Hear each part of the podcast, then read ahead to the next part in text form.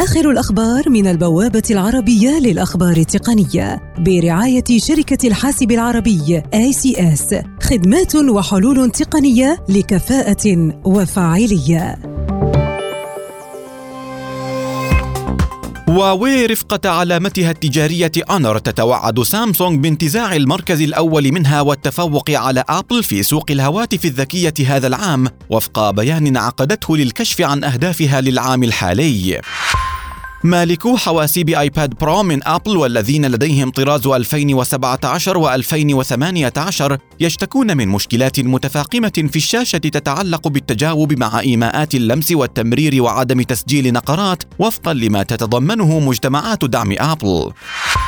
شركة بيتس المملوكة لشركة أبل تكشف رسميا عن زوج جديد من سماعات باور بيتس اللاسلكية بتصميم مستوحى من إيربودز ولكنها تتفوق في إمكانياتها وتكلفتها. خدمة التراسل الفوري واتساب تطلق ميزة جديدة تتمثل في تحديد من يمكنه إضافة المستخدم للمجموعات بالتزامن مع إطلاق ميزة التحقق من صحة المعلومات الموجهة للهنود خاصة.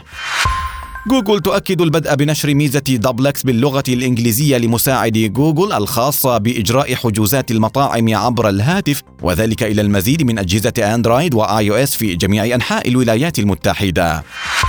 كوريا الجنوبية تستعد هذا الأسبوع لإطلاق أول شبكة تجارية من الجيل الخامس 5G للهواتف المحمولة في العالم متفوقة بذلك على الولايات المتحدة واليابان ودول متطورة أخرى. آخر الأخبار من البوابة العربية للأخبار التقنية برعاية شركة الحاسب العربي ACS خدمات وحلول تقنية لكفاءة وفاعلية.